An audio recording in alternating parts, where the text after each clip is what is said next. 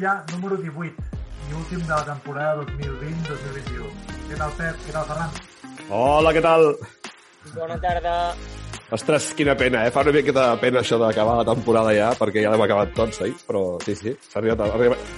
Bé, també seria moment també de fer una, un resum, però bueno, em sembla que el farem després, no? No, no ens avancem, no? No fem spoilers? Sí, no, això va ser pel final, pel tancament. Vale, vale. En tot cas, bueno, potser, potser sí comentar això, no? Aquesta, aquesta temporada, bueno, tots, tots eh, estarem d'acord en que és una temporada aigualida Atípica. Sí, en molts sentits, no? A nivell de, de meteo sí que hem tingut nevades copioses i bones, però també, ostres, mm, potser no hi ha hagut el, la quantitat de neu o, o ha aguantat tant com, com ens esperàvem, perquè, per exemple, a, a mes d'abril, aquestes alçades, i potser el Ferran, que, que també fa esquí de muntanya, ho pot confirmar, encara es pot fer bastanta cosa. Inclús a vegades fins al maig inclús pot fer algun cim o alguna cosa. I ara, mm, si més no, ostres, més complicat. Sí, sí, sí, aquest any sembla que no ha aguantat fins massa tard la neu. Altres anys, com bé dius, eh, es pot fer esquimo fins ben entrat al maig. Fins i tot jo recordo algun any que al juny hem pogut, hem, hem pogut fer algun, algun tram d'esquimo, alguna baixadeta abans d'anar cap al Primavera Sound. Ai! Ai, que, que, que, que lluny que ens queda això ara ja, ostres. Sí, sí, sí, hòstia, sí, sempre ho recordaré, eh? Un any, crec que va ser el 2018, que al matí vam anar a fer el Carlit amb esquís i a la tarda estàvem al Primavera Sound a Barcelona. I passant calor, segur. Sí, sí, sí, màniga curta i pantalons curts. Quin país, eh? O sigui, brutal. Es, espectacular, eh? És, és trist els dirigents que tenim, però tenim un país que, que no ens el mereixem a vegades. Jo, jo aquest, any, aquest any vaig tenir l'oportunitat de fer pel matí, no vaig fer cim, però vam fer una miqueta d'esquí de muntanya a l'estació de Puigmal i després vam anar al vespre a Palau de la Música. Preciós. També, també va ser aquesta reflexió que, que has fet tu ara mateix, Ferran, de dir, ostres, quin país tan de puta mare que tenim que ens permet fer muntanya pel matí, llavors baixar i fer cultura en un lloc de, com és el Palau de la Música, que per cert no havia estat mai i em vaig quedar... És molt maco, és molt maco. Doncs jo també m'apunto en això perquè en aquells bons moments que s'allargava la temporada d'esquí, més d'un cop havia fet, quedat amb els amics, que més és molt divertit perquè quan esquies fora de la temporada, després de, de Setmana Santa, tothom diuen per què estàs moreno, que si vas a la platja, no? I havíem quedat amb els amics a la banda de la costa de Mataró, al Maresme, i vaig arribar a l'hora de dinar. Vull dir que jo vaig esquiar al matí a Masella, tot el matí, i vaig arribar de sobres a les 3 a, a, al dinar. I, I és curiós, no? És això, aquest país que tenim tan... que a vegades no ens ho mereixem, eh? Perquè ja dèiem... No vull parlar més, perquè ja sabeu que... Està bé recordar aquestes coses d'altres anys o, o, o de dies que han estat així bons, però és el que deies, Carri, aquest any no, no sembla que, que podem fer aquestes coses. La neu ha acabat abans, i, i bueno, entre, entre nevades um, que no hem pogut disfrutar per confinaments i quan hem pogut disfrutar-les potser hi havia mal temps o, o poca neu com ara, o fins i tot fang, mm, podem dir, i jo ja m'avanço que no, no em faig una bona valoració d'aquesta temporada. Jo l'única cosa que crec que estem tots tres d'acord, i molta gent també, espero, uh, que l'única cosa positiva d'aquesta temporada ha estat el podcast. Això és tirant-nos medalles a nosaltres, però si no ens ho tirem nosaltres, qui se les tirarà? Vinga, home, va. Clar que sí. això, això deixarem que, que ho deixin els nostres oients o, o lectors de la.cat que, que opinin, però sí, a veure, eh, hem tingut alguna, alguna valoració, algun feedback i realment era, era positiu. Jo penso que hem fet una mili molt, molt bona, ha sigut un bon any de rodatge i, i espera't perquè el, el que vindrà, no? Perquè penso que hem après molt, hem tingut uns convidats molt guapos en tots els sentits. També hem de recordar el nostre gran col·laborador de la Meteo que li hem d'agrair moltíssim la col·laboració, desinteressada i supermotivat, com sempre. I que no, no desfalleix, eh? perquè, perquè bueno, la- l'activitat que té el Twitter és frenètica, passi el que És, passi. és tremendo. Acaba la temporada de neu, però segueix. El tio no para de treure... Es va rascant, rascant, rascant i treu corretes inclús dels dies de- d'anticicló a tope. El renovem, no? Sí, sí. Està renovat, està renovat. Home, a veure, ha- haurem de, haurem, haurem de mirar si podem pagar la, la, el contracte, eh? perquè el fet d'haver sortit el temps de neu enguany... Ostres, sí, ha sí, pujat- sí. Li ha pujat el caché al Vanderland. Home, Pugem, ma- a, pu- pugem la clàusula, eh? Ara hem de pujar la clàusula, si no fos que ens el vinguin a robar ara, vinga. Bueno, i companys, hem parlat de- d'un de, dels temes que ens ha afectat més, que ha sigut la, la meteo, evidentment, però l'altre gran tema, bueno, si més no, el tema, han sigut Ara, ara. de mobilitat, els confinaments eh, municipals, comarcals i... De El Procicat. El Procicaca, que ha donat pel cul fins a l'últim moment Sí, senyor. i, i ha donat pel sac a, a tots els, eh, bueno, no, no només als usuaris i, i fanàtics de la neu i la muntanya, sinó també a tots aquells eh, doncs, treballadors, eh, comerciants, eh, empresaris o qualsevol activitat vinculada al món de la, de la neu i les estacions d'esquí de muntanya. Sí, realment ha sigut molt bèstia. Uh, això crec que, jo crec que l'any que ve tindrem una miqueta més de, de temps per haver reflexionat i veurem veu, millor la situació. I, ostres, jo crec que ha sigut molt bèstia. El que ha passat aquest any, com s'han comportat els polítics, eh, deixa molt que desitjar, ho sento. Jo us ho deia abans, inclús sento vergonya aliena de, de com s'han comportat tots plegats, perquè no ens ho mereixem, penso jo. Per- O sí, per- o sí. Sí.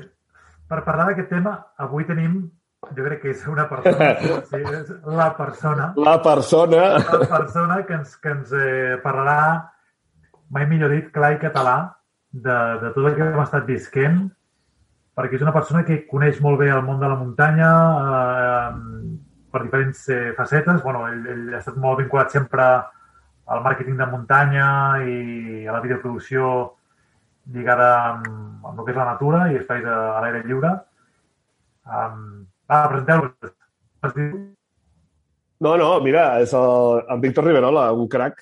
Sobretot, el que estaves dient abans, sobretot també lligat amb, amb, a tot el món, coneix, té molta experiència de tot el món de, de la neu arreu del món, però en especial a Europa. I, eh, i precisament a Europa sobretot destaca amb Suïssa i, i segur que ens parlarà de temes d'aquests de, de com han viscut a la gent de Suïssa Sí. uh, el Covid, que sembla ser que ha sigut molt diferent. L'altre dia llegia unes, unes dades i realment doncs, han tingut un, un índex de contagis baixíssims, tot i tenir les pistes obertes, però amb molta, això sí, molta seguretat i moltes prohibicions a l'hora de, de menjar i d'aquests bueno, els punts de, de restauració. No? Per tant, és una lliçó que ens haurem d'aprendre eh, perquè l'any que ve ja en parlarem. A veure que, com anirà la temporada. Creuem els dits, tot sembla indicar que, que anirem millor, però, bueno, bueno, jo ja...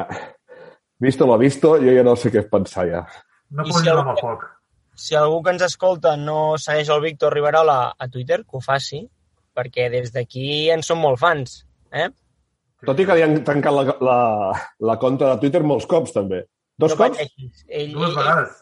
ell en té vàries i Sí, això sí. sempre, sempre acabarà parlant i acabarà dint el que pensa. Sí, Trobo que les, les apreciacions que fa són bastant encertades sempre i jo pre- precisament en sóc bastant fan i moltes ganes d'escoltar-lo. Jo la, la veritat que, home, el Víctor també fa molt temps que, que ens seguim mútuament a, a Twitter i, i crec que no deixa ningú indiferent, però també el que diu sempre ho diu, mm, és el seu punt de vista i és una opinió respectable i ell mai eh, parla malament de ningú, sinó que, que sempre parla des del respecte i més que res, jo crec que toca temes que, que bueno, mm, al final, quan, quan tu t'emprenyes molt per alguna és perquè alguna cosa hi ha Sí, a nivell emocional, si, si, si, si realment te la pela, doncs passes. sí, sí. Però quan entres en aquestes lluites i aquestes històries és perquè, bueno, no sé, és molt, és molt interessant. I si voleu, no ens, no ens enrotllem més, li donem pas i que, uh, que ens posi el dia una mica de, de com ell ha estat visquent o està visquent aquesta temporada o no temporada d'hivern i primavera. Endavant, doncs. Vinga. El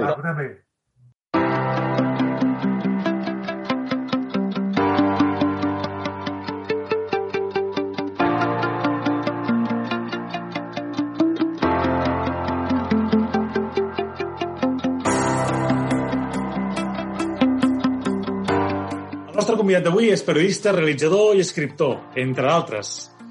És cofundador i CEO de la productora Materfilm, especialitzada en la creació de continguts audiovisuals de temàtica cultural i esportiva, especialment de muntanya. Ha publicat, agafeu-vos bé, 15 llibres i ha viatjat un munt, a vegades a zones de conflicte com a corresponsal. I acumula experiències, moltes experiències, a més de 40 països, quasi sempre acompanyat de la seva família, la càmera de fotos i un bloc de notes. Què tal, Víctor? Benvingut. Com anem? Sense mascareta, aquí a l'aire lliure, respirant. Però, eh, amb distància de seguretat, eh? Això sí. Estic viu, estic viu. Gràcies a Déu estic viu. I encara no m'he vacunat de res. Bueno, de, del serrampió, em sembla. O de... Bueno, bueno, no, no, no diguis molt alt. No, que em tancaran el compte de Twitter, no? Que et tornarà, que et tornarà Sí, a tancar conta. tornaran a capar. Te'l tornaran a tancar. Sí, sí. La censura, la censura. La censura. Víctor, l'any l'any 2014 vas publicar un llibre que té un títol que ens agrada molt i que creiem que és molt, molt adient per, per aquesta temporada que estem visquent i aquests temps tan, tan estranys, que es titula La muntanya pot curar. Uf, Des de, des de la neu.cat, bueno, ja ho sabeixes tu, que també ens, ens seguim mútuament a xarxes, eh, portem reivindicant que la muntanya és salut i és una necessitat vital. Què n'opines d'aquestes restriccions que hem estat visquent fins ara i que seguim encara... Patint. Patint, exacte. uf, clar. Mira, si, comen si, si em comenceu preguntant per la muntanya puede curar, després podríem parlar del segon llibre, que és La muntanya i la vida, que, són, que és com una mena de, de binomi que vam fer ja fa uns quants anys amb en Jordi Salvador i bastanta més gent de tota Espanya. Que, per cert, gent que han col·laborat amb la muntanya Poder Curar i la muntanya i la vida, que ara també hem estat molt en contacte perquè han viscut molt de prop les restriccions, confinaments i altres històries, no? Doncs bé, eh, jo crec que la, la pregunta es respon sola. La muntanya pot curar. Si la muntanya pot curar, si l'aire lliure és bo, si a l'alçada, a 2.000 i pico metres, el fred, la tramuntana, la sensació de llibertat és tal i la gent està molt més apartada els uns dels altres, per què has tancat la muntanya? Per què no has deixat que la muntanya curi? Per què no has deixat que la muntanya guareixi? Aquesta és una de les moltíssimes preguntes que, com a corresponsal i periodista, ens hem preguntat moltíssima gent en aquest país. Ningú està negant res. Només estem criticant una gestió nefasta, ens estem solidaritzant amb els amics, amb els pobles i amb les pistes d'esquí de la muntanya i estem intentant que algú, d'una punyetera vegada, foti algú amb coherència i amb lògica i amb sentit comú. És una atrocitat el que s'ha fet a Catalunya, a Espanya, a França i a molts països. Han sigut molt intel·ligents a Suïssa, a Noruega, a Àustria. A Suïssa ho han portat molt bé. Però el que s'ha fet a Catalunya i sobretot a França és grotesc. Per, des del meu punt de vista i des del punt de vista de tot el sector. Cap, rescat pla, cap pla de rescat sectorial aprovat. Uns rescats estúpids que han arribat tard. Eh, res de consens. No s'ha fet res amb consens. I aquí a sobre diuen que el Procicat ara no ha publicat ni un acte, no? Però bé, deixant davant d'això, si la muntanya realment guareix... Mira, t'ho explico molt ràpid. Vaig escriure el llibre arran de la mort del meu pare, que li donaven un any i en va viure cinc, arran d'un càncer de pròstata d'en Jordi Salvador, que és el coautor de La muntanya pot curar, i arran de moltes coses que li han passat a la Eva Nassarre. Us en recordeu de la Eva Nassarre, de la tele? Sí. Doncs mira, ara està amb una cadira de rodes. Eh, moltíssima gent que coneixem que ha tingut molts problemes i que, i que a través de la muntanya o els ha superat o almenys li ha servit per pal·liar eh, una mort anunciada però que l'han pogut allargar de- d'una manera eh, molt, molt humana i molt ètica. No? El, el, que no, el que no puc entendre és si la muntanya ens ajuda a tantes coses i és tan sana i l'aire és tan pur, com l'han criminalitzat d'aquesta manera. No, no, No, no. res, res, res, més a dir, ja. Tanquem ja, tanquem el podcast ja, s'ha acabat. ja, ja està, no, no cal dir res més, Víctor, ho has dit tot. Perquè una cosa, Víctor, tu, tu que tens coneixement de la, de la situació el que comentaves ara fa un moment de, de, de la situació de l'esquí a Suïssa, ens pots fer cinc cèntims de com s'ho han fet per fer-ho tan bé o tan millor que nosaltres? Mira, hem tingut contacte amb la Jasmine de, de l'Àlex Arena i el David Kestens, amb el Dani Lugen de Zermatt i la... bueno, és que ara no em surt el nom. la, la Janine, perdona. La Janine Imesh. Eh, hem tingut contacte amb moltíssima gent de, de Suïssa. Valé, Werner Overland, eh, Graubunden, eh, el cantó d'Uri, tota la gent que viu i sent la muntanya. Zermatt ha, ha, ha treballat a mig gas, evidentment estem parlant d'una de les millors estacions del món que no ha tingut turisme gairebé internacional i que a Chervinia, que és la frontera a través de la Testa Grigia i el Klein Matterhorn, doncs eh, han vist com tampoc podien obrir o gairebé res, però han sobreviscut. Moltes estacions de Suïssa han treballat amb el 66%, 70% de la seva capacitat. Han treballat amb un públic suís i amb un públic de fora que ha pogut venir, s'han fet PCR, s'han fet proves, s'han fet petites eh, quarantenes, però la gent que ha volgut anar a esquiar a Suïssa ha pogut anar a esquiar a Suïssa. I això és el millor. Això és que això s'ha de dir, s'ha de dir a, a, a l'aire. La gent, que, a, la gent que vol esquiar pot anar a esquiar. El problema és com és que a casa nostra i a França, que són veïns, i a Andorra, que abans ho parlàvem d'Andorra, s'han pres aquestes, aquesta sarta d'atrocitats, aquestes mesures que realment han insultat la intel·ligència de totes les persones que treballen en el món de la muntanya. Des dels formatgers, els grangers, els que tenen vaques, els que tenen cabres, els que tenen petits hotels, els que tenen fondes, els cuiners, els xefs, els que porten les màquines eh, llevaneus, els, els larratracs, els písters, els professors, els directius d'oficines de, de, de, de turisme i, sobretot, sobretot, els treballadors de les estacions d'esquí. Sí, sí. És que, de fet, eh, que nosaltres molts cops parlem des del punt de vista com a usuaris, no? I jo mateix, jo també, a nivell de, de Twitter, m'he queixat molt obertament d'aquesta manca de llibertat en molts sentits, però específicament del món de la muntanya, no? Però, clar, tota aquesta gent que tu mencionaves eh, ara, Víctor, els hi han tret la llibertat, de, o sigui, el dret de treballar. Mira, uh, jo tinc molta amistat a Facebook amb un gran disjockey que havia estat visquent molts anys a, a Dubai, es diu Rafa Mendoza, eh, i ell és advocat i disjockey i m'ho deia, i productor musical, i m'ho deia. Diu, en aquest país s'està vulnerant el dret al treball, que és un dret constitucional. I aleshores, per moltes denúncies, per moltes conyes, per molts tribunals, per moltes mandangues que fotem, eh, el, el, que, el, el primer que s'ha de dir és analitzem si realment és legal que en un estat d'alarma es puguin prendre aquestes mesures. Dit això, dit això, plans de rescat sectorials, consens i decisions lògiques. Confinament, ja veurem, perquè el del toc de queda, mira, és l'única cosa, jo estic a les antípodes de Vox, però és l'única cosa amb els que podria estar d'acord.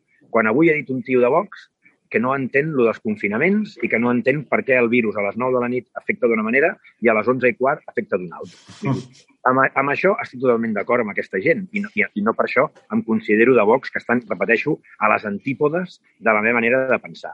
Però és que aquí, aquí hi ha algú, aquí hi ha alguna cosa que no entenem encara i és com s'ha criminalitzat el sector de la muntanya i en general el turisme.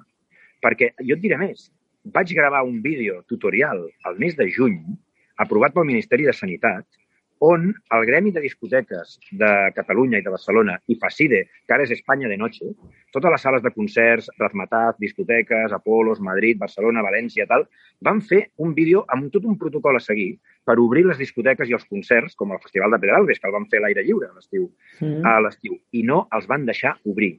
La gran pregunta, com pot ser que amb un protocol, amb, una, amb tot unes mesures aprovades per Sanitat i amb un vídeo tutorial explicant com es pot tornar a obrir, amb, amb, com a Xina, com a la Xina, discoteques, teatres i bars, i aquí encara no s'ha aprovat. Porten un any i escaig tancats, a Micos, a Mertes i amb, una desastre, i amb un desastre que a partir del 31 de maig, quan s'acabin els DERTES, els vindrà a sobre, que, que, que, que ni te cuento. Mm clar, és que estem formulant tantes preguntes que ningú ens ha donat resposta que jo estic flipant que això se li digui una democràcia. No sé. Ladies and gentlemen, que algú em doni una explicació. Sí, i, i llavors també una mica el que comentaves tu, eh, Víctor, que, que evidentment jo, com tu, estic a les antípodes de, del discurs de Vox i de tot el que ells representen, però quan poso en dubte alguna de les mesures que es prenen, em classifiquen com a Vox, i aquí també jo crec que ens fa, ens fa falta una mica una crítica, una autocrítica com a societat, de dir, escolta, és que per què ens creiem tant i per què som tan fàcils de manipular i d'obeir les normes? I per què... Perquè la majoria han acceptat una cosa tan senzilla com el toc de queda. A veure, s'ha acceptat i jo flipo la gent que fa molt cas, inclús la gent jove que se'n fa molt estrany de dir sí, sí. Hosti, s'ho han menjat, eh? I, i estan fent sí, sí, molt sí. de bondat, eh? Mira, us vaig, us vaig a fer un símil, us vaig a fer un símil bestial. Uh, I sé que molta gent em dirà que estic sonat per dir això. No parlaré de la gueto de Varsovia perquè és un exemple molt passat, massa passat de voltes. Però a la Segona Guerra Mundial, molts pobles del Pirineu i de la muntanya, molta gent passava republicans, passava gent pels Pirineus. Ho sabeu, no? Els passadors. Sí. El, el, tant jueus per un costat com republicans per l'altre. Van ser molt pocs els pagesos. Hi ha una pel·lícula amb l'Anthony Quinn que és meravellosa, que diu El passaje, em sembla eh, que, que parla d'aquest tema. Molts pocs van tenir la, la, la valentia des de Vic d'Esós, des del País Bas, des de mil llocs, a passar gent. La majoria van baixar el cap i van acceptar el que tocava. Al gueto de Varsovia hi havia 20 i pico mil persones. Només 500 es van aixecar en armes. Es veu a la pel·lícula Defiance amb el Daniel Craig. O sigui, per què la raça humana té tendència a aborregar-se de tal manera i mai a posar en dubte una de les, de les tonteries que el poder en aquell moment, només una, els hi pugui dir. Es tanquen sí, sí. a casa, tenen pànic es creuen tot el que els hi diuen, no tenen capacitat de dubte, no tenen capacitat d'analitzar, ni d'investigar, ni, de- ni de viatjar, ni de, ni de preguntar, i automàticament donen per bona la versió oficial. Jo no sóc conspiranoic, jo només pregunto, jo només formulo preguntes. Per què no podem anar a esquiar quan l'esquí i els esports de muntanya és de lo més sa que hi ha al món? I saps què et diran, Víctor? Saps què et diran? Que l'esquí és de rics. Clar, sí, sí. Que no et queixis que no et queixis que l'esquí és de rics, que hi ha coses més importants. És l'única resposta que et donen. Doncs si l'esquí és de rics, si l'esquí és de rics, parlem dels esports de muntanya, com pot ser l'esquí de Ah, fons, el exacte. senderisme, les raquetes, o, Exacte. o anar a caminar amb unes xiruques. Que això, que això és de pobres. Eh? Par parlem d'anar a comprar fuets a Castellà de Nuc, parlem d'anar a visitar les Güells del Jueu o l'Artiga de Lin, parlem del Port de la Bonaigua, parlem de les tradicions com la Patum de Berga, Eh? No, és I- que hi ha molta gent i la Patum no es pot fer, vale? però no podem intentar fer un entente cordiale i un ni para ti ni para mi. O sigui, no, no podem intentar que la gent que té turisme rural, que té una granja, que té una caseta, que té vaques o conills, pugui vendre el seu producte i no tingui que estar confinat o tingui que estar demanant permisos tota la setmana per sortir de casa seva. La multitud de formatgeries... Quan els a comprar els fuets o els, o els formatges a casa seva. Formatges. Formatges a tot el Pirineu, els formatges que són casolans, que són rurals. Què? Què en fem d'això? No, la- L'artesania l'artesania gastronòmica ha caigut en picat. Per no, per no parlar dels restaurants d'alta muntanya, per no parlar dels refugis de muntanya, per no parlar dels xalets, de les cases de colònies, que, si em permeteu, s'han fotut una hòstia de cuidado. Clar, Sí, sí, m'estàs dient, dient que anar a un poble que té 20 habitants o menys, m'estàs dient que Sant Jaume de Frontanyà és perillós. I, I llavors, exacte, i llavors el problema saps quin és? Que um, prohibeixen a la gent anar-hi durant molts mesos, moltes setmanes, i quan donen una mica de treva, quan deixen, quan diuen que ja és legal anar-hi, la gent s'hi tira de cap, se'n va, se'n va a la muntanya i passa el que ha passat aquest cap de setmana, que hi ha hagut rècord de, de rescats de muntanya, perquè la gent um, es, es tiren massa a la muntanya Doncs perquè no hi pot anar arregles, més. això ho arregles dosificant les mesures. Clar, Exacte. sent lògic, tenint sentit comú i anant a poc a poc. Perquè si tanques l'aixeta, quan l'obres, crees una inundació. Ah, ja està. Exacte, la, la, la gent està farta i hi ha molts problemes, sortiran problemes psicològics i... Però abans, abans, abans de la sortida d'aquesta Setmana Santa, és el que deia abans el Víctor, és que si es veu a venir, si saps que en el moment que obres l'aixeta, sortirà tot Déu. Hòstia, doncs, tio, pensem una mica. Joder. Sí, sí. Sí, Donem-li el coco, hòstia, donem-li el coco, que no costa tant.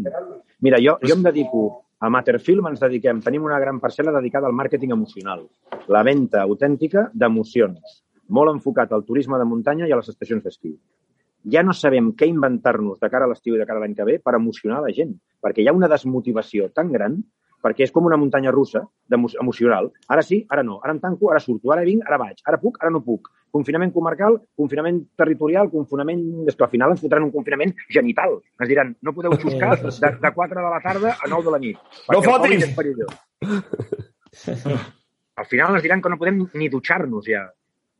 sí, sí. És, És tremendo, no? I, és i, que és tan paral·lel- surrealista tot, sí o no? I, par sí o no? I paral·lelament, no, i, i amb això, amb el tema del surrealisme, eh, paral·lelament hem anat veient imatges del dia a dia de, de, de, dels trens de rodalies, de ferrocarrils, d'autobusos, que van no, a petar. És que, no, no, no, no. Aquí no, no, hi ha virus, No, al metro, a, a Rodalies i a Ferrocarrils no hi ha virus, no hi ha Covid.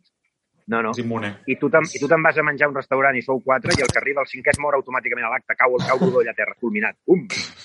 I a les 10 i un minut de la nit, si, si surts a treure la basura, caus fulminat al replà. Mira, a casa meva tinc 7 o 8 cadàvers cada matí quan m'aixeco de veïns que han anat a tirar la basura, la, la brossa, perdó, dos minuts més tard del que tocava. Home, sisplau, vull dir que ni, Sí, ni els germans Marx, ni el Mel Brooks, ni el Peter Sellers, ni els Monty Python serien capaços d'imaginar-se una estupidesa així. Jo cada, jo cada vespre surto a passejar la meva gosseta la trufa i surto a les 11, I- molt tranquil. I estàs viu? Ets un Sí, sí, gremlin. estic viu. Ets Estic un gremlin. No, no, em fa por, em fa por no trobar-me algun zombi, tio, perquè dic, hòstia, No, saps que sí, sí, m'han sí, venut sí. tant així que, que dic, hòstia, és que... Sí, sí, 28 dies després, no? Sí, sí. Ai, hòstia, no, aquesta pel·li és molt xunga, no, no, no, me la, no la recordis. No, és, és el Danny Boyle, em sembla. A mi m'agrada molt. Eh, Víctor, fa una estoneta comentàvem el tema de, de la situació de Suïssa, d'Àustria, una mica com ha anat el, el, bueno, la no temporada d'hivern en alguns llocs. Parlàvem de com ho han gestionat a països com, com Àustria, Suïssa Eh, però sabem que tens molt bona relació amb, amb el turisme de, de, de França, també, bueno, amb, amb les neus catalanes. Eh, a principi de temporada vam parlar amb l'Antonio Martín i, clar, en aquells moments encara hi havia molta incertesa, però finalment la incertesa s'ha acabat convertint en, en desastre, perquè és que no han pogut obrir ni tan sols un sol dia.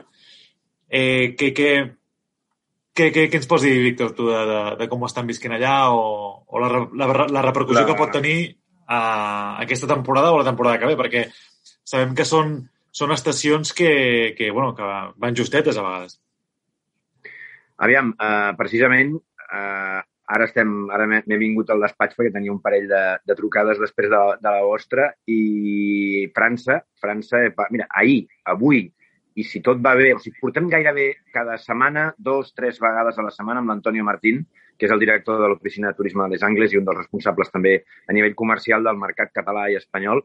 Amb, amb l'Antonio, a part de que ens uneix una molt bona amistat personal, amb l'Antonio eh, estem parlant, perquè ho vegis, eh, cada, cada setmana dos, tres vegades. Per què? Doncs perquè hi ha moltíssimes coses que preparar, que dir, que somiar, que, que, que, que intentar fer Dic intentar, com deia el Yoda de, de l'Imperio Contraataca, hazlo o no lo hagas, però no lo intentes, no? Però és que ara no ens queda cap altra cosa que somiar i que intentar salvar l'estiu. Per què estem en contacte amb gent d'estacions d'esquí que estan tancades?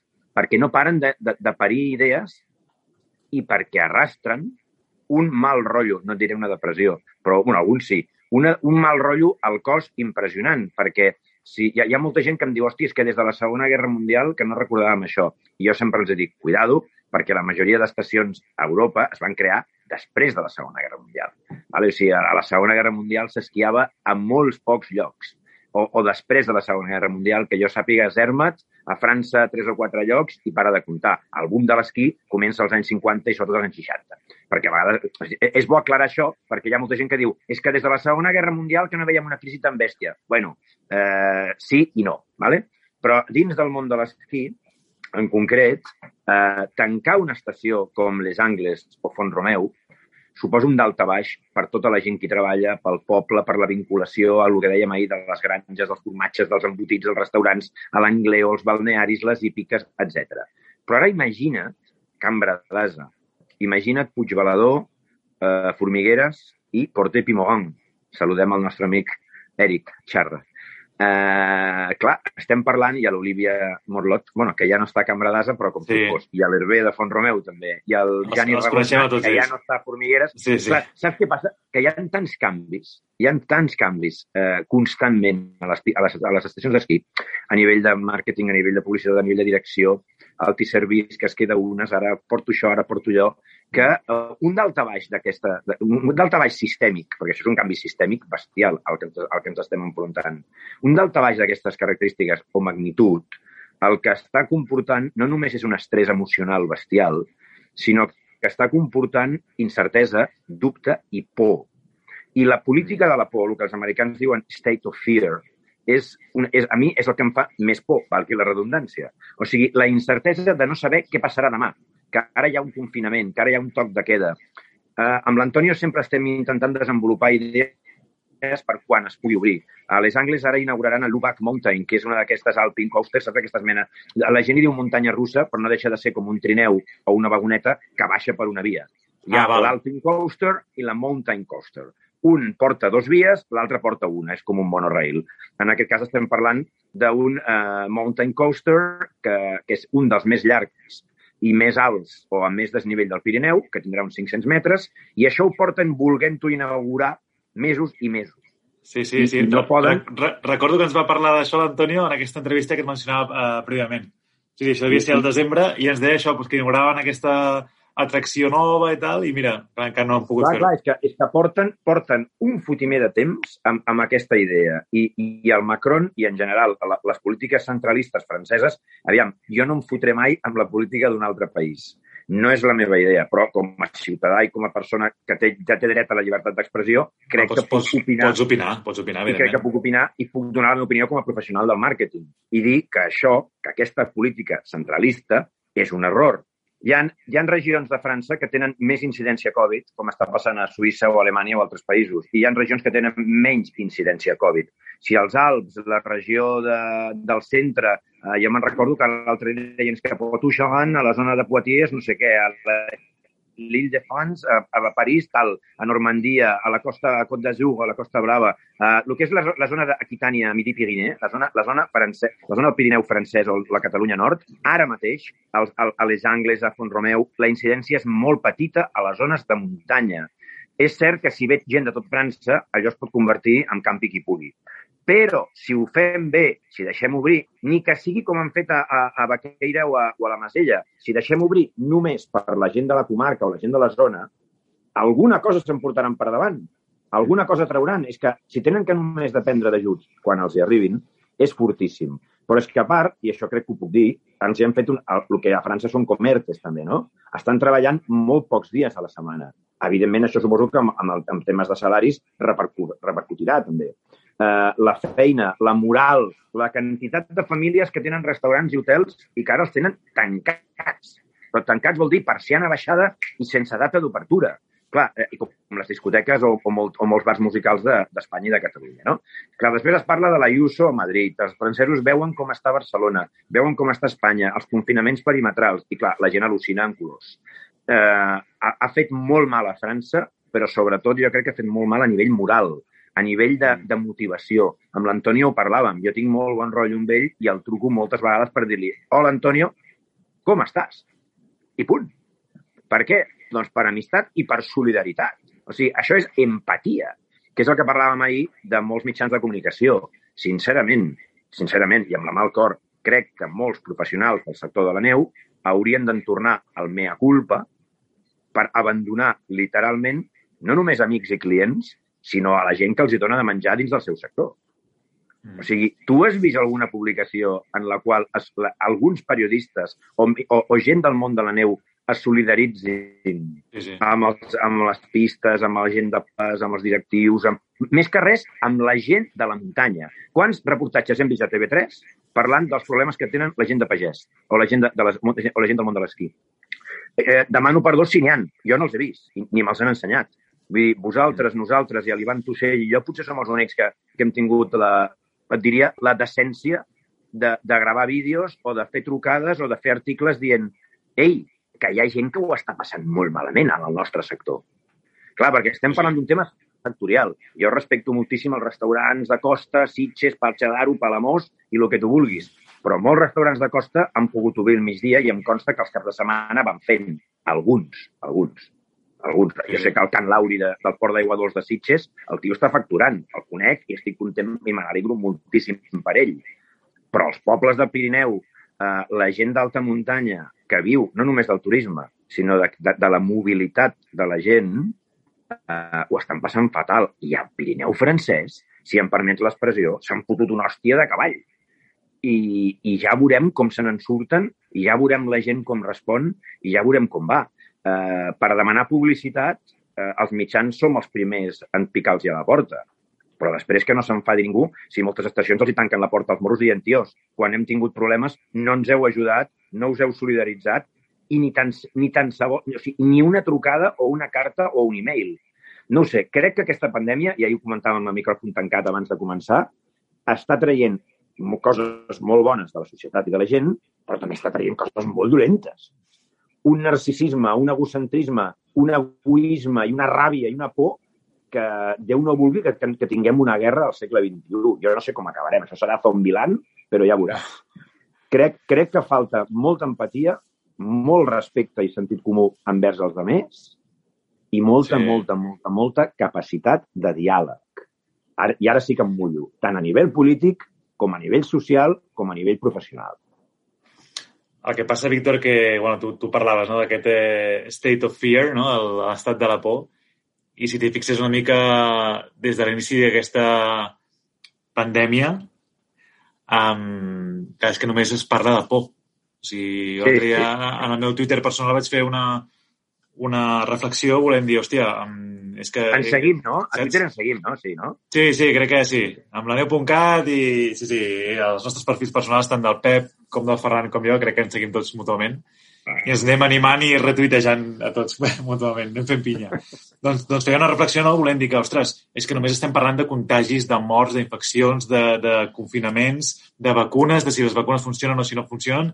Dic, escolta, dic, sí, a veure, és important parlar d'això, però també és important recordar a la gent doncs, que, que passejar a l'aire lliure o anar a fer natura o fer una passejada per la muntanya doncs, també t'ajuda a mantenir el sistema immunitari sa i fort. O Sí, que s'ha de, de menjar de manera pues, saludable. Saps? Eh, hòstia, jo, jo crec que clar, és que des dels mitjans de comunicació només es parla de por, por, por, por. Llavors, la societat el que està fent és que, clar, està, està absorbint aquesta por i llavors és el que fa, no? Actua des de la por sempre, no? Per això surt un veí a passejar el gos a les 11 de la nit i el senyalen i truquen els Mossos. Eh, és que hi ha una persona aquí que s'ha saltat el confinament o el toc de queda. Tio, o sigui, deixem una mica... Que estem, que, tu t'has fixat que estem repetint, estem repetint les tàctiques nazis de la delació dels veïns? I això, va, mira, quan va començar tota aquesta merda, eh, vaig fer aquesta reflexió també. Dic, dic escolta, dic, recordeu el tema del, dels barris, eh, sí, quan va passar el tema del, del, del famós holocaust, eh, s'assenyalaven uns als altres. I llavors... Bueno, ah, no, no, només, no només amb l'Holocaust jueu, eh, en mil llocs, quan ideològicament o quan algun veí ha fet alguna cosa que no ha agradat, se l'ha denunciat d'una manera descarada o s'ha assenyalat a la gent que no pensa igual o per motius polítics, per, per mil motius. Les crisis, i això ara t'ho comento com a antic corresponsal i com a persona que ha vist de tot una mica en el món, conec més de 50 països i, i crec que puc parlar. I hi ha gent molt bona, però hi ha gent molt dolenta. I quan deixes anar els fantasmes de la por o, o los cuatro jinetes de l'apocalipsis, no? Uh, Sí, sí, per cert, grandíssima, grandíssima pel·lícula a reivindicar, amb un actor com el Glenn Ford, que li tinc un amor eh, especial, i mira que era cabroncete, diuen. Uh, tornant al tema, uh, quan deixes anar los cuatro jinetes de l'apocalipsis, això, això, això ja és un despiporre. La, la societat humana, en general, cada vegada a mi em fot més por, en general, en general, perquè veig moltes coses que ni entenc, ni m'agraden, ni em semblen normals al, ple, al segle XXI. O sigui, l'evolució ideològica i de comportament eh, humana a mi em fot por. Em fot por. Perquè si, si un test tan bèstia com és aquesta pandèmia, que jo no la nego, jo el que critico és la pèssima i catastròfica gestió i la presa de pèl a, a la qual ens sotmeten cada dia els nostres gestors i governants. No? Dit això, que la pandèmia existeix amb totes les seves cepes i que hi ha un virus por ahí a saber d'on ha sortit i que, i que això és un, ca, un cachondeo i que fins d'aquí dos o tres anys els vols intercontinentals no tornaran, això també ho, tenim que tenim, ho hem de tenir molt clar. Però si vols tornar al tema de l'esquí, la gran pregunta que es fan a França és hi haurà estiu com el de l'any passat i hi haurà temporada d'esquí l'any que ve? Perquè moltes estacions, si no hi ha temporada d'esquí l'any que ve, tancaran. Sí, sí. I Home, això serà i- un daltavall. Això serà i un i és- daltavall. I especialment, especialment al, al, a les neus catalanes, que hi ha estacions que, que ja fa anys que hi ha com un rumor de, bueno, a veure què passarà amb Porter Puigmarens, què passarà amb Cambra d'Asa... Bueno, Porter, Porter s'ha de dir que és un, és un univers dins d'una... Porter és, un, és com Islàndia, és un planeta dins del planeta, no? Porter, Porter va fer un pacte amb el temps, és com la pel·lícula Interstellar, no? O sigui, el temps a Porter passa diferent. Tu, tu vas a Porter, el que és un minut normal, allí són, és mig minut. O sigui, el, el temps passa més a poc a poc, tot és, és, és una altra dimensió. És com Regreso al futuro, no? O sigui, tu vas a Porter Pimoran, a Porter Pimoran, i el, el temps es para, el temps que tu coneixes, eh, jo crec que envelleixes més lentament a Porter. Si jo, si jo em retiro, vull anar a Porter algun dia. Sí, sí, sí. Amb, amb l'Eric Charra ho comentàvem l'altre dia, no? Els, tele, els telecadires van més a poc a poc. Tot és tranquil, tot, tot, o sigui, aquell mar de neu que hi ha des de la Vinyol cap al pic de la mina, eh? allò, tot, tot va a poc a poc. Sí, llavors sí. Porter es retroalimenta d'aquesta bombolla, d'aquest vèrtex o vòrtice espacio-temporal, com si diguéssim a Star Trek, i jo crec que juguen amb una altra lliga. A mi els que em fan por són Puigbalador, Formigueres i, i Cambra d'Asa, evidentment. Bueno, Pu- Pui, Pui, Puigbalador ja està, sí, ja, ja estava Bueno, tancat. aquest no? any havia volia- tornat a obrir. Havia Hi havia tornat a aquell obrir projecte, el, sí. El pobre xaval aquell que es deu, es deu haver hipotecat els, inclús els calçotets, Sí, no? Però, sí, bueno, sí. Sí, sí, perquè jo, jo he anat algun, algun dia a fer esquí de muntanya per allà, que per cert, Puigbalador és un entorn Bueno, Puigbalador Formigueres mm, és espectacular, eh, realment és Sí, la, la molt, molt maco. fins als llacs de Camporells i el, i el Pèric, allò és una meravella. Eh? És una, una passada. L'es- Bueno, L'estiu passat, l'estiu passat vam fer el tour dels Pèrics amb els nanos, no t'ho perdis. doncs Déu-n'hi-do, déu nhi déu pues ja dic que em, vaig, em va sorprendre perquè vaig estar, vam estar a Puigbalador um, i vaig veure una, una retrac que estava allà en plan, sí, sí, atrepitjant pistes. I de fet hi ha, hi ha com un garito, hi ha un garito que és, eh, no sé si és un, un bar-restaurant o fan lloguer d'esquí o algun, no sé, però vaig veure com moviment. Dic, ostres, em va estranyar perquè sabia que hi havia un projecte de, de, que havien muntat com una cooperativa els treballadors de, de Puigverdó per intentar eh, recuperar o mantenir l'estació en vida, però clar, dic, dic, clar, és que una crisi com aquesta i que t'obliguin a tancar, eh, és que et, et, et, et mata. Si et Clar, és que tu, tu, mira, tu Posa només el tens que pensar coll. dues coses. No tens, només tens que pensar dues coses. Formigueres, Formigueres estava potenciant eh, aquest fer amb assegurança i menjar, estàvem potenciant el, el, el, el, eh, com el tour dels tirs, eh, Puigbalador començava començava, començava a intentar obrir la part de baix per si la cosa funcionava. Les Angles acabava d'obrir el telecabina més modern del Pirineu. I, i, i Font-romeu tenia plans de fer pistes noves cap a baix.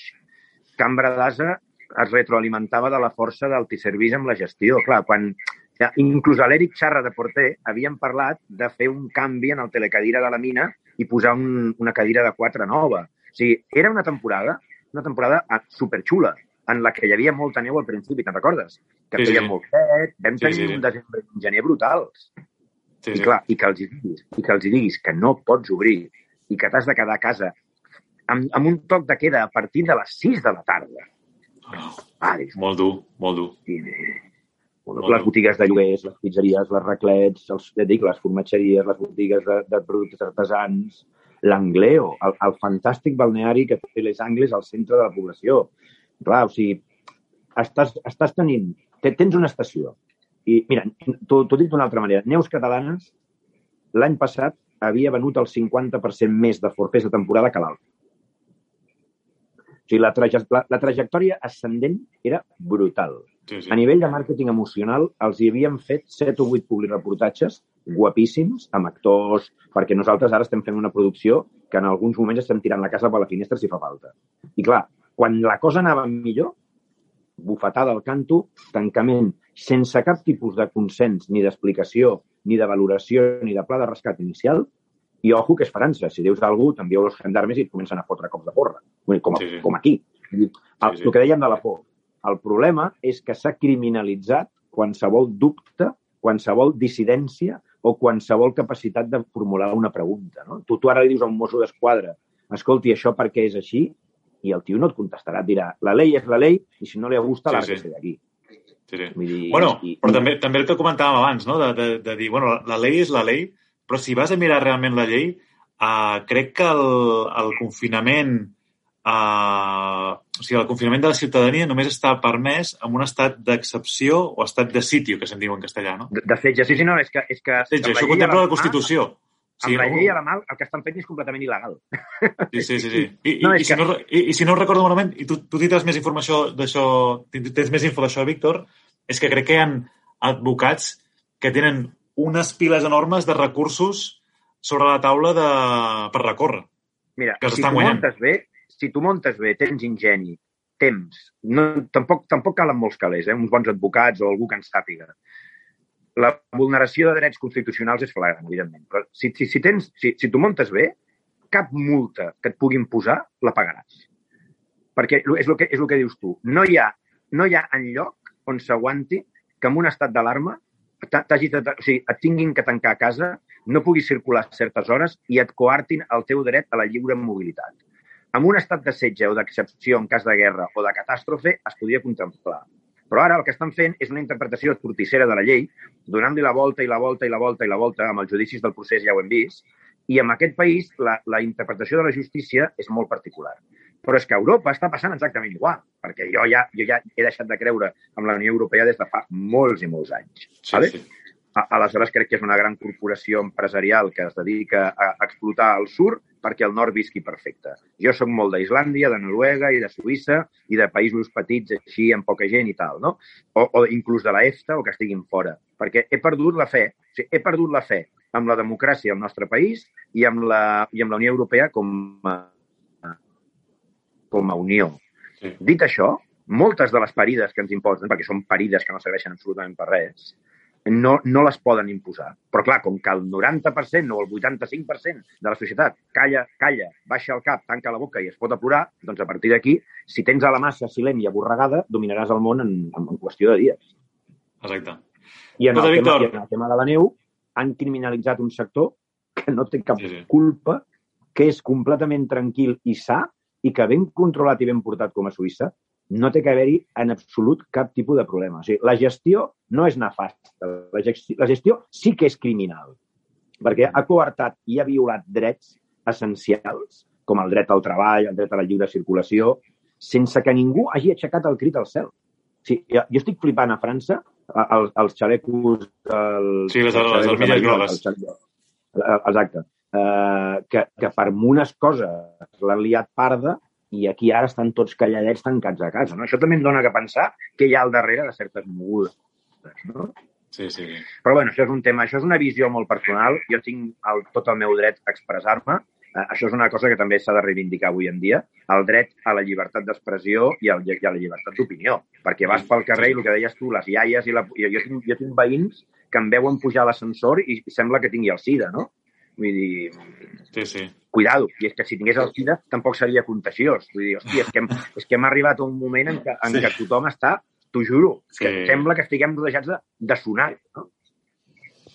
Bueno, Víctor, escolta, un ple, un ple parlar amb tu. Eh, de fet, des d'aquí eh, t'invitem a que siguis un col·laborador essencial ja a la neu.cat i eh, t'oferim el nostre mitjà per, per eh, escriure articles d'opinió perquè tu coneixes molt bé la muntanya i, i tot el que gira al voltant de- d'aquest àmbit tan, tan xulo que és la natura. I, escolta, esperem això. Eh, esperem que aquesta repressió a poc a poc vagi acabant, puguem gaudir de la muntanya i de, de, de, de les estacions que ja estan preparant una mica la temporada de- d'estiu. I res, um, que moltes gràcies. Només, només ens queda enviar una abraçada fortíssima a totes les persones, evidentment, a la gent del mar i a la gent de la costa també, que els estimem igual, la gent de la Plana, la gent de Vic, els nostres amics d'Osona, Ripollès, Berguedà, però sobretot de la Selva i l'Empordà, però sobretot la gent del Pirineu, català, aragonès, navarro, basc i francès. Ja estàvem parlant de l'Antonio, gran tasca que està fent l'alcalde de Les Angles, el Michel Poudade, en Jérôme Munier, el David, la, la, la, bueno, tanta, tanta, la Dolma, tanta gent de l'estació de Les Angles que dia a dia estan intentant eh, tirar endavant, però quan dic Les Angles, dic Font Romeu, dic Porter, Puigbalador, Cambra d'Asa, Formigueres o l'Espai Nòrdic del Capcir, no? Estem, estem parlant de famílies, que això mm, crec que els governs no ho acaben de pillar. Estem parlant de negocis familiars o municipals, de l'alcalde i el poble. O sigui, aquí es parla molt d'empresa privada, però les empreses municipals o les cooperatives, com molt bé deies tu, què? Aquesta gent, qui els ajuda? I, i m'agrada molt que, que des de la neu.cat els, hi donem, els hi puguem donar veu. Això està molt bé. ens, sumem, ens sumem a aquesta abraçada i aquesta, bueno, aquest, aquest record especial amb tota aquesta gent que està, que està patint de valent tota aquesta, tota aquesta crisi. Molt bé, Víctor. Fins ben aviat. Que vagi molt bé, gràcies. Cuida't, una abraçada. Igualment.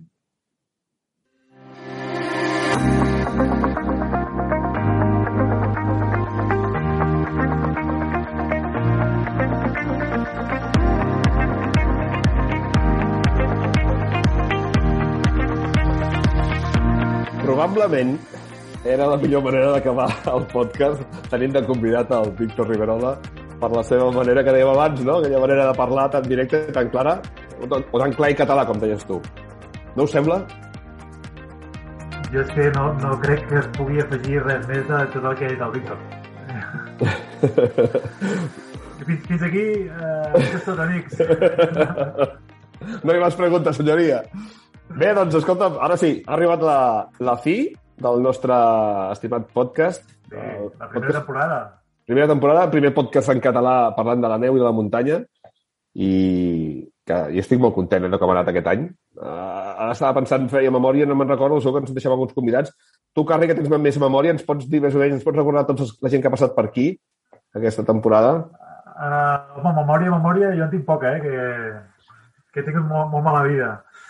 Però, bueno, ostres, que jo crec que um, ho hem tocat tot una mica en general. És que ha passat gent com, uh, ostres, no sé, periodistes del món de la neu, no? Com el Tian Riba i la, Rosa Talamàs, la Rosa Talamàs, el Martí Nadal d'Alpina, el Jordi Cruz també el meteoròleg, eh, el Torp, és veritat, sí senyor. és que, bueno, no sé, en general hem tingut gent molt, molt interessant. Eh, El Jordi jo- Ramot de Wikilog. Wikilog, el Jordi Grau també, a nivell de periodista també de TV3, de periodista esportiu, la Montse Bacardit, que ens va parlar ara del tema dels allaus i la seva vinculació amb l'Agna. Uh, Vam visitar Masella amb la Maite Martí, vam visitar Boita Ull amb, amb l'Andreu Berilla, Baqueira, que vam tenir amb el Xavi Ueira. Enjoy. Mountains, d'Andorra. Ah, exacte, la Diana. Sí, sí, La no, Diana. crac. Diana, sí, sí. El Jaume Vila també de... de Hombre, dels és veritat, sí, va ser un dels primers, sí, sí. Estava molt content, estava molt content. Crec que hagués sigut una bona idea juntar el Víctor Riverola i el Jaume Vila Hòstia. una, una taula rodona. Hauria sigut brutal, sí, sí. Un amb la Fals i l'altre amb la Estrada. Sí, sí, sí. tot. Bona gent, bona gent, bona gent i del territori. D'aquesta gent que saps que, que, que vol tenir que trepitgin el territori, eh? Sí, sí, tant i tant. Qui més, qui Bueno, jo, més... jo, jo crec que a nivell de continguts hem intentat una mica doncs, tocar-ho tot i, i, si més no, doncs, sempre hem donat la possibilitat d'invitar els eh, oients a través del mail de podcast.cat per si tenien temàtiques o volien que parléssim d'alguna alguna història en concret. Eh, de fet, intentem que sigui uh, inclusiu, participatiu i que, que sigui un podcast de tots els amants de la muntanya en general. Jo crec que ho hem aconseguit. Ho hem aconseguit per ser la primera temporada. Potser queda una mica lleig si ens ho diguem nosaltres, però penso que sí, que realment també siguem honestos també i humils alhora, però que hem fet una bona feina perquè hem tocat molts pals de, del tema de, del, del món de la muntanya de la neu i que, bueno, que ens estem emplaçats i estem encarats i amb molta motivació per l'any que ve doncs, continuar la segona temporada i segur farem millor perquè sempre s'aprèn. I ara us puc fer una pregunta, companys. Vosaltres què, què feu quan acabeu la temporada d'hivern? Teniu el material amb la amb tapat i ben, ben deixat ja de cara a la temporada vinent. Què feu l'estiu? Quina activitat de muntanya feu a natura? Jo- Jo, jo el primer que faig quan uh, més o menys estic deixant els esquís de la muntanya és començar a agafar la bici de carretera, que vulguis o no, dius, hòstia, no és, no és molta muntanya, però a mi m'agrada utilitzar-la sobretot en ports de muntanya i zones on no hi ha gaires cotxes, llavors crec que intento trobar rutes de muntanya. I el pas natural és aquest. Llavors, el que és córrer per la muntanya, fer muntanyisme, en, en solo fer tot l'any. Llavors, com que no hi trobo diferència, simplement que trobes menys neu o més neu, doncs això ho, ho, ho fem tot l'any, però en principi això, bici i córrer. De fet, Jo- ara que has dit, de, ah, ah, perdona, Pep, que has dit de la bici de carretera, te'n recordes que tenim un repte pendent, tu i jo? Sí, Sí, sí, sí. justament ahir vaig parlar amb la gent de desnivell d'aquí de Puigcerdà i eh, li vaig dir això, que aniria un dia a llogar-li una bici de carretera per provar per primer cop la bici de carretera i anar a fer el col de Paliers. Exacte, exacte. El Carri, el Carri no és un, home, és un home de muntanya i el primer cop que agafi la bici de carretera no el podem portar per, No, per que cabron. la, la C55. No, de fet, li vaig preguntar, dic, "I creus que és bona idea? I diu, home, no sé, eh? Diu, per començar, no sé, potser et passes, oi? Doncs jo, perdoneu, però jo, jo és senderisme, senderisme i córrer també uh, per les muntanyes, però sobretot senderisme, uh, pur i dur. Vull dir, tornaré a aquest estiu, si tot va bé, al Pirineu francès i Pirineu d'Aragó, d'Òscar, concretament, perquè són uns, unes muntanyes molt bèsties i que m'encanten. I segur que m'escaparé també per Andorra.